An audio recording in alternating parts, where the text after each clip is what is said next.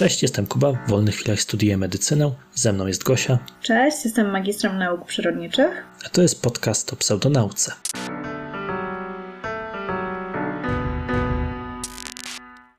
W pierwszym odcinku naszego podcastu postanowiliśmy opowiedzieć, skąd się wzięło nasze logo.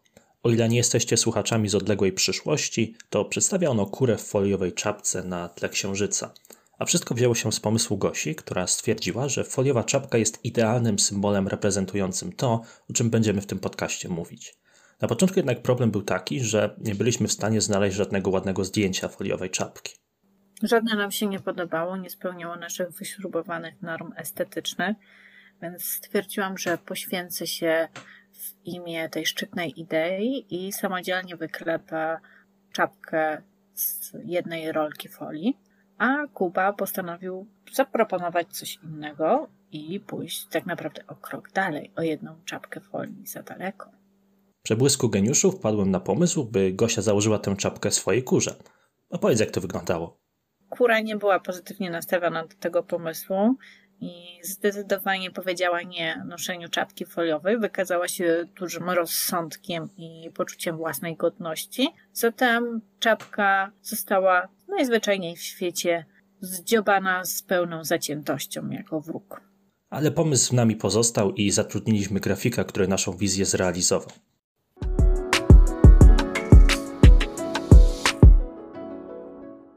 I o czym ten podcast będzie? Po pierwsze, będziemy śmieszkować z różnych rzeczy, ale wprowadzimy również część poważną debunki różnych badań, newsy ze świata denialistów, w przyszłości również rozmowy z gośćmi.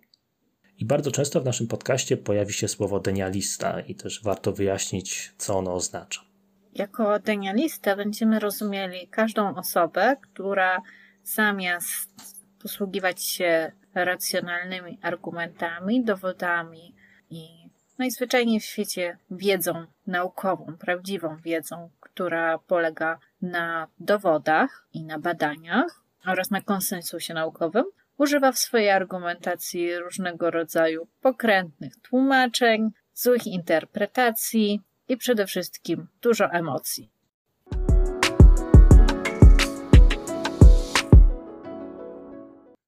W dzisiejszym odcinku zlustrujemy niesamowitą artystkę o ogromnej wrażliwości, ale czy równie dużej wiedzy?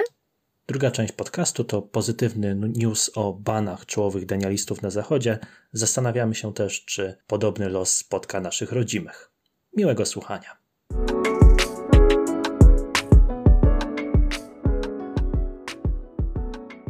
Ostatnio głośno się zrobiło o pani Edycie Górniak, która zarówno podczas live'a na swoim Instagramie, jak i potem w telewizji Polsat News powiedziała różne ciekawe rzeczy, ale zaczniemy od słów od, o statystach. Oddaję głos Gosi. Obostrzenia, kolejne coś tam, abstrakcyjne, absurdalne kłamstwa, ludzie pod szpitalami, ludzie puste szpitale, ile tam jest filmów, gdzie odważni ludzie jadą i kręcą, jak szpitale są puste. Albo są gdzieś scenki odkrywane i są zatrudniani statyści ubierani w kostiumy. Muszę ci powiedzieć, że wyjątkowo mi się spodobało, jak to teraz przeczytałaś i te słowa odbiły się szerokim echem w ogóle w internecie i z tego też powodu pani Edyta została zaproszona do Polsat News i tam powiedziała ciekawe rzeczy. Jeden taki cytat, który sobie na początku zapisałem, to jeżeli 99% ludzi na świecie jest zdrowych, to ja bym jednak poddała dyskusji to, czy faktycznie mamy do czynienia z pandemią.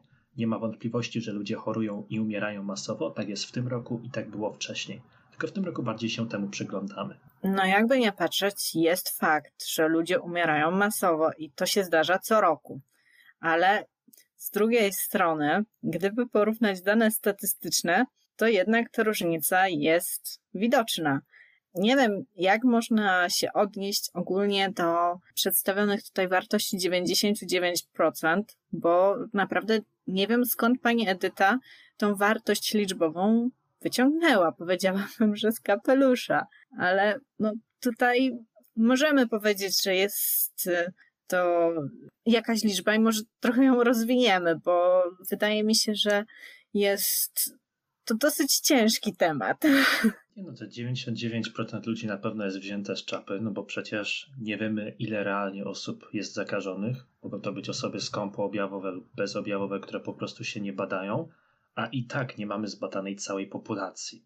Więc ja myślę, że 99% ludzi jest to wzięte z pewnego być może postrzegania tej choroby jako, nie wiem, czegoś łagodnego, że przecież tyle osób jest zdrowych, choruje tylko procent, no to niegroźna choroba. Może w tym stylu coś pani Edyta myślała.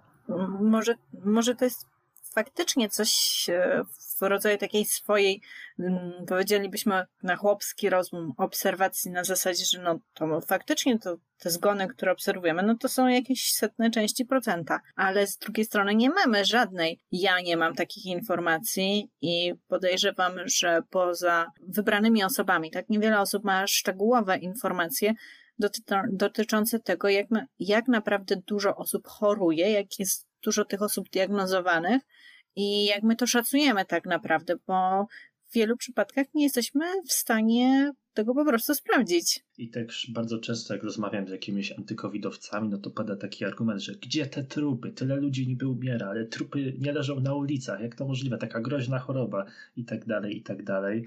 Co jest po pierwsze jakimkolwiek brakiem szacunku dla osób zmarłych, a po drugie, no nie muszą trupy leżeć na ulicach, żeby była pandemia, bo zazwyczaj ludzie po prostu umierają w szpitalach. No to chyba nawet lepiej, że jakby umierają w szpitalach niż na ulicach, bo to jest chyba najgorszy scenariusz. I zastanawiam się, jak, e, w jak chorym i mało empatycznym umyśle musi być taki dezyderat, który mówi, że dopóki nie zobaczę trupów na ulicach, to nie powiem, że to jest pandemia i nie będę w to wierzyć. Bo w ogóle tutaj mamy do czynienia z wiarą, a nie ze zdroworozsądkowym podejściem. Dalej pani Edyta powiedziała tak. Moje zadanie jako osoby, która przez 30 lat oddaje serce ludziom dla ich lepszego samopoczucia, dla ich zdrowia, dla ich spokoju, tutaj przerwa i e, dalsza część wypowiedzi, dla mnie to zderzenie między tym, jakie są fakty, a jakie się obrazy kreuje, na podtrzymanie wiarygodności, że jest to faktycznie pandemia, to są dwa różne światy. No i tutaj się rzuca w oczy przede wszystkim to, że pani Edyta kreuje się na taką osobę, która jakby wspiera zdrowie, spokój, polepsza samopoczucie ludziom. Być może jej chodzi o muzykę i w tym kontekście należy to interpretować. Nie wiem, co ty o tym myślisz. Ja myślę, że to są trzy światy i pół Ameryki. Jeżeli ktoś nie podpisałby tych słów, że jest to pani Edyta Górniak i zacytował dosłownie, że jest to 30 lat oddawania serca ludziom dla lepszego samopoczucia, to w pierwszej kolejności pomyślałabym o naprawdę zasłużonym pracowniku służby zdrowia, a nie artystce scenicznej, bo oczywiście mówi się, że mm, muzyka łagodzi obyczaje i ma pozytywny wpływ na to, jakimi ludźmi jesteśmy, ale trudno byłoby to przyrównać do faktycznie takiej naprawdę profesjonalnej pomocy medycznej. To jest w pewnym sensie kpina z ochrony zdrowia i zrównywanie swego rodzaju doznań emocjonalnych, przyjemnych, bo przyjemnych, ale z potrzebami pierwszego rzędu, jakimi jest najzwyklejsza w świecie opieka. No ja sobie, ja sobie nie wyobrażam, że na przykład, nie wiem, miałam kiedyś taki przypadek, mam przecięty palec przez piłę motorową, jadę na SOR i tam pan lekarz zamiast e, na przykład odkazić tą rękę, dać e, mi szczepienie przeciwko tężcowi, no ogólnie pewne procedury przestrzegać, to on mówi, dobrze, dobrze, to teraz sobie pani posiedzi, ja wiem, że panią boli, ale puszczę pani, no to może teraz, to nie ja byłam Ewą. I co, pomogło? Ale to, co mówisz o zdrowiu, samopoczuciu i spokoju, to też e, warto rozszerzyć, biorąc pod uwagę kolejne słowa, które pani Edyta powiedziała. Mianowicie w tym roku ten stres został na naszych oczach pomnożony do maksimum i dlatego ludziom spadła odporność i dlatego tak mocno chorują. To, że nikt nie chroni tych ludzi pod względem psychologicznym, i tutaj uciąłem część wypowiedzi, bo dalej pani to powiedziała, że to jest katastrofa, i w dalszej części powiedziała takie zdanie: Zadaniem artystów jest ratować duszę ludzi. I teraz tak, po pierwsze, no to należy się zgodzić z panią Edytą, że nikt nie chroni tych ludzi pod względem psychologicznym, że tej pomocy psychologicznej czy psychiatrycznej faktycznie nie ma, faktycznie jej brakuje. Pewnie zwiększyła się liczba przypadków jakichś tam chorób psychicznych w okresie pandemii. I ta pomoc faktycznie tutaj powinna być. E, natomiast pani Edyta zdaje się kreować na taką osobę, która tej pomocy psychologicznej w jakiś tam sposób udzieli. Pewnie interpretuje to, że chodzi o muzykę, szczególnie ze względu na to ostatnie zdanie, że zadaniem artystów jest e, ratować duszę ludzi. O tak, mm, oczywiście tutaj artyści mają bardzo ważne zadanie, ale zrównywanie tej opieki psychologicznej w jednym zdaniu, by zaraz później powiedzieć, że zadaniem artystów jest ratować duszę ludzi, czyli w takim domyśle, że tą umysłowość to wnętrze ludzkie, które jest kruche i porównać właśnie ten wpływ artystów wpływem profesjonalnej opieki, to też jest duże nadużycie. Ja bym tak to śmiało nazwała, że jest to nadużycie, dlatego że są problemy wynikające oczywiście z pandemii, przysparzające wielu stresu, które są poważne, ale żadna muzyka czy inna forma sztuki nie są w stanie im zaradzić. Nikt nie daje mi gwarancji, jak długo będę żyła po tej szczepionce. Nikt nie daje mi gwarancji, jak mój organizm zareaguje. Nie ma stuprocentowej pewności, że każdy organizm zareaguje tak samo. I to są właśnie kolejne słowa pani Edyty. No cóż, wszystko wiąże się z ryzykiem. Można zjeść orzeszka, dostać reakcji anafilaktycznej i umrzeć. Po prostu. Tak samo z ryzykiem wiążą się zabiegi w medycynie estetycznej. Wszystko wiąże się z ryzykiem, każda ingerencja i tutaj, tak jak słusznie wspomniałeś, czy chodzi po prostu o dostarczenie pokarmu, co wydaje się jak najbardziej naturalne, czy wyolbrzymianie tego do strasznych zabiegów, jakim są szczepionki. W ogóle szczepionki to wiadomo, że tutaj jest obawa, 100% pewności. Właśnie, a ciekawe jak to wygląda na przykład z kwasem hialuronowym, co nie? Czy, czy też tak pojawiają się na przykład takie grupy, jak w przypadku antyszczepionkowców, że pojawiają się grupy, czy czytałeś charakterystykę produktu leczniczego? Big Botox zamiast Big Farmy. Tak. Big Hyaluronian. Ale, ale, ale, tego, ale tego nie ma. E, myślę, że ze względu na to, że medycyna estetyczna, jej zabiegi są, jakby my sami wyrażamy zgodę, sami chcemy w czymś takim uczestniczyć. Ze szczepieniami jest trochę inaczej, bo wielu ludziom się wydaje, że to jest przymus, że to jest narzucone i tak dalej. Być może stąd jest też taki opór, że to jest w pewnym sensie zabranie komuś wolności decydowania własnym ciele, jak to często antyszczepionkowcy lubią mawiać. Właśnie, moje ciało, mój wybór. Dlaczego w ogóle mielibyśmy się myć, prawda? Chociaż mycie w pewnym sensie też powinno być obowiązkiem, bo może wpływać na nasze życie w społeczeństwie. Może. Tak. Przepraszam, bo mi się e, przypomniała e, jedna rzecz. Były jakieś takie memy, że każe się ludziom nosić maseczki, to ich nie noszą. Tak samo jakby się kazać im umyć, to by się nie umyli. Coś takiego było. Jakiś taki mem. Tak. Jest coś takiego, że jeżeli mamy danej sytuacji pełną dowolność. I tutaj dobrym przykładem jest e, oczywiście medycyna estetyczna, bo jakby nie patrzeć i tu strzykawka, i tam strzykawka, e, to w przypadku oczywiście szczepień jest mnóstwo wątpliwości i czy lekarz jest odpowiednio wykwalifikowany, czy zna mm, ulotkę szczepionki, czy zna wszystkie powikłania. Natomiast w przypadku medycyny estetycznej jest to o tyle śmieszne, że e, szczepienia są wykonywane w punktach szczepień i te punkty szczepień są obwarowane bardzo dużą ilością przepisów związanych z regulacjami ministra zdrowia. Natomiast medycyna estetyczna jest praktycznie dostępna na wyciągnięcie ręki. O ile dobrze pamiętam, zabiegi medycyny estetycznej można wykonywać po odpowiednim kursie. Także w jednym miejscu można sobie zrobić wybrytki, przedłużenie włosów i hialurony albo botoksik na czoło. Ciekawe, czy gdyby tak było ze szczepionkami, to, to też by tak to było lajtowo. Dalej padły słowa, które będą jeszcze długo powtarzane, czyli pani Edyta mówi, że wyprowadzi się z Polski. To jest lotnisko, nie musisz, wiesz, anonsować swojego odlotu. Dalej już cytat, myślę, najlepszy z całego programu w Polsat News, czyli nie zgodzę się na to, aby ktokolwiek aplikował w moje ciało coś, co nie jest do końca zbadane, czego ja nie mogę zweryfikować, nie pozwala mi na to moja wiedza, rzecz jasna. I dalej padły kolejne słowa, których już nie zapisywałem, bo spodobało mi się to, że pani Edyta przyznaje, że nie ma wiedzy, która pozwala jej na weryfikację informacji dotyczących szczepień, no więc tym bardziej dziwi, że w ogóle się wypowiada w ich temacie.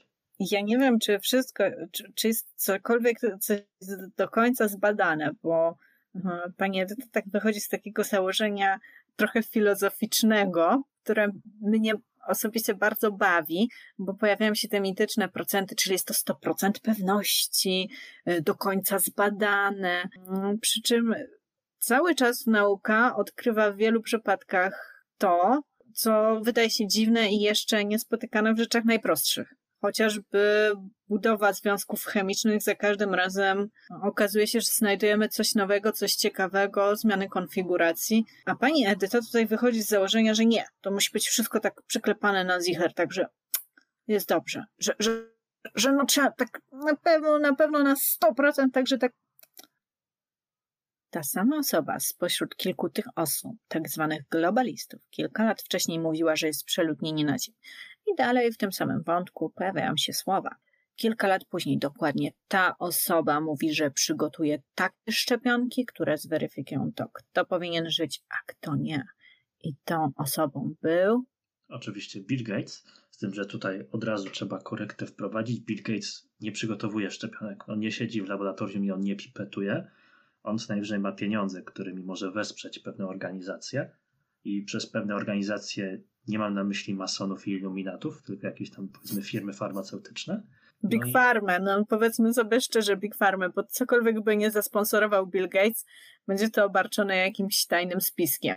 No tak, dokładnie. E, natomiast popularność Billa Gatesa wśród środowisk antyszczepionkowych, e, czy w ogóle związanych z teoriami spiskowymi, wyniknęła przede wszystkim z jego słów, które kiedyś powiedział o sytuacji w krajach biedniejszych, że tam przyrost naturalny e, zmniejszyłby się po wprowadzaniu szczepionek, co oczywiście zostało zinterpretowane jako depopulacja, chce zabijać i tak dalej, i tak dalej. Ale w rzeczywistości chodziło o dość prosty mechanizm. Jeżeli jest duża umieralność wśród dzieci, no to rodzice są pod presją i rodzą ich więcej, stąd też przyrost naturalny będzie większy.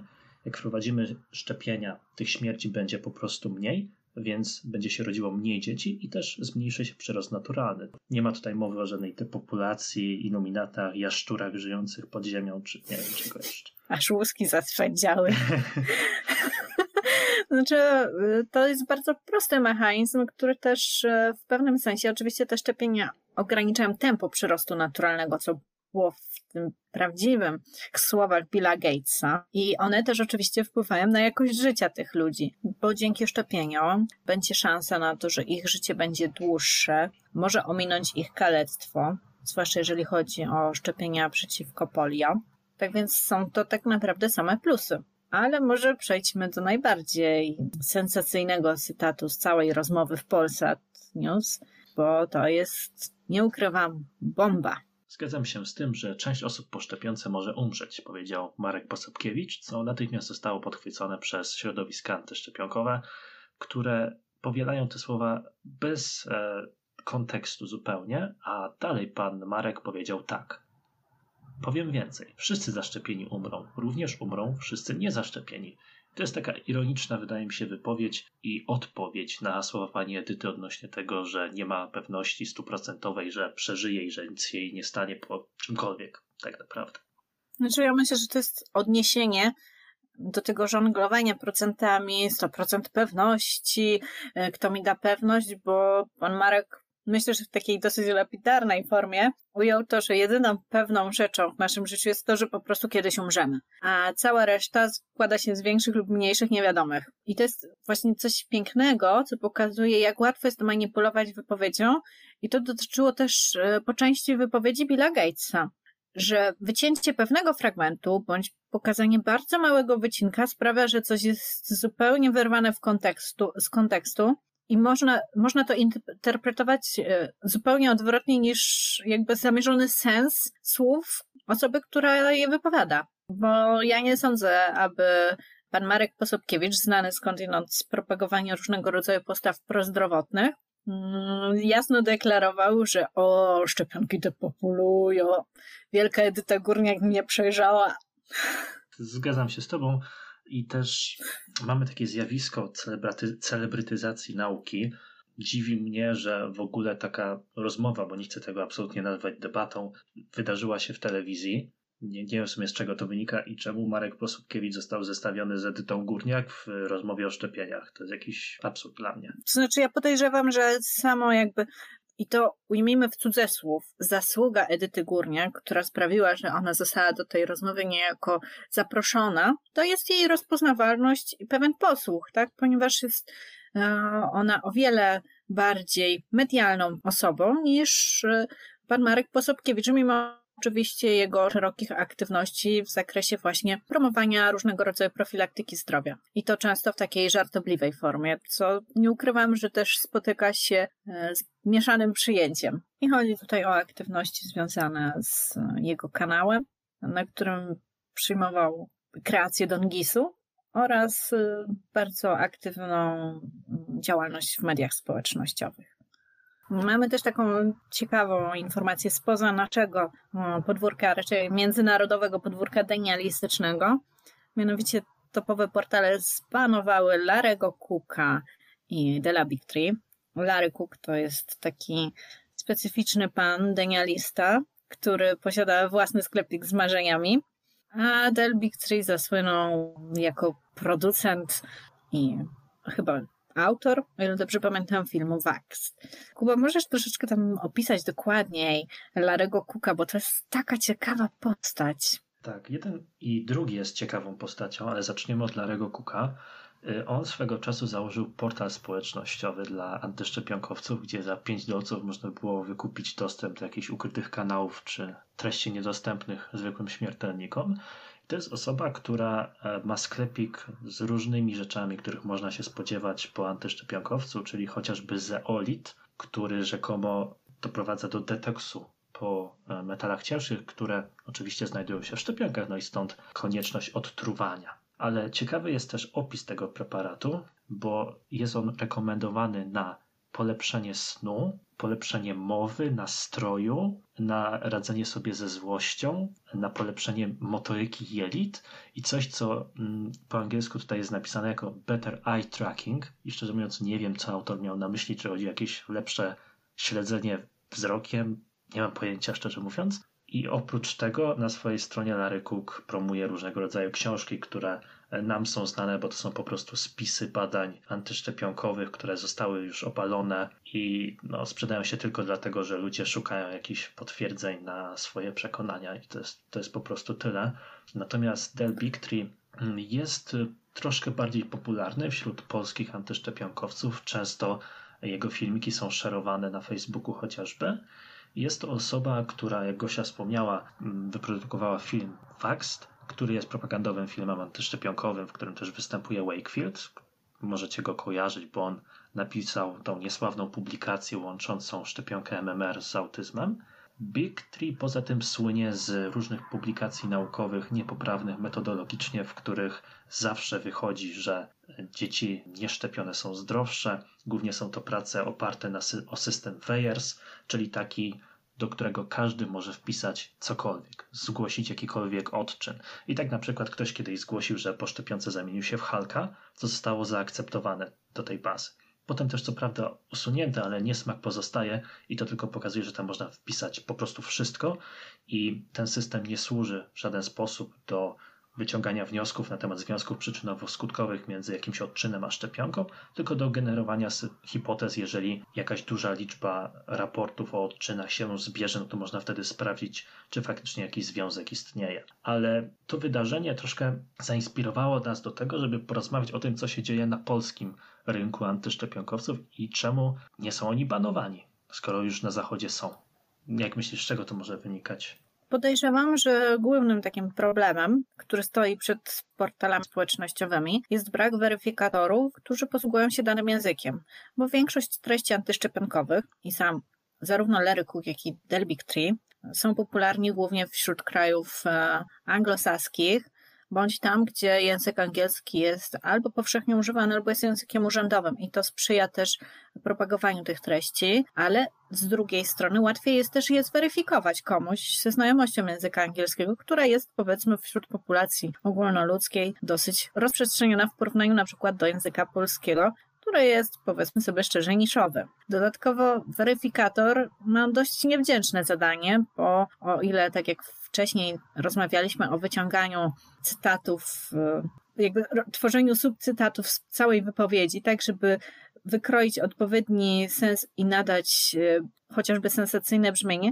tak weryfikator musi niestety po pierwsze odnaleźć źródło, tekst źródłowy, z którego pochodzi dany cytat, e, zweryfikować, czy faktycznie dana osoba to powiedziała, w jakim kontekście i przedstawić wyniki tych swoich powiedzmy dociekań czy analiz w taki sposób, żeby można było to zaimplementować do algorytmu. W Polsce, o ile mnie pamięć nie myli, niedawno Facebook podjął współpracę właśnie z organizacją Demagog, która zajmuje się właśnie tropieniem tego typu fałszywych informacji. A sami denialiści traktują działania Facebooka i Demagoga jako atak na siebie, pisząc na przykład, że są to skoordynowane działania wymierzone w nich właśnie w celu podtrzymania pandemii i zapobiegnięciu jakichkolwiek, jakimkolwiek działaniom, które miałyby tą pandemię powstrzymać.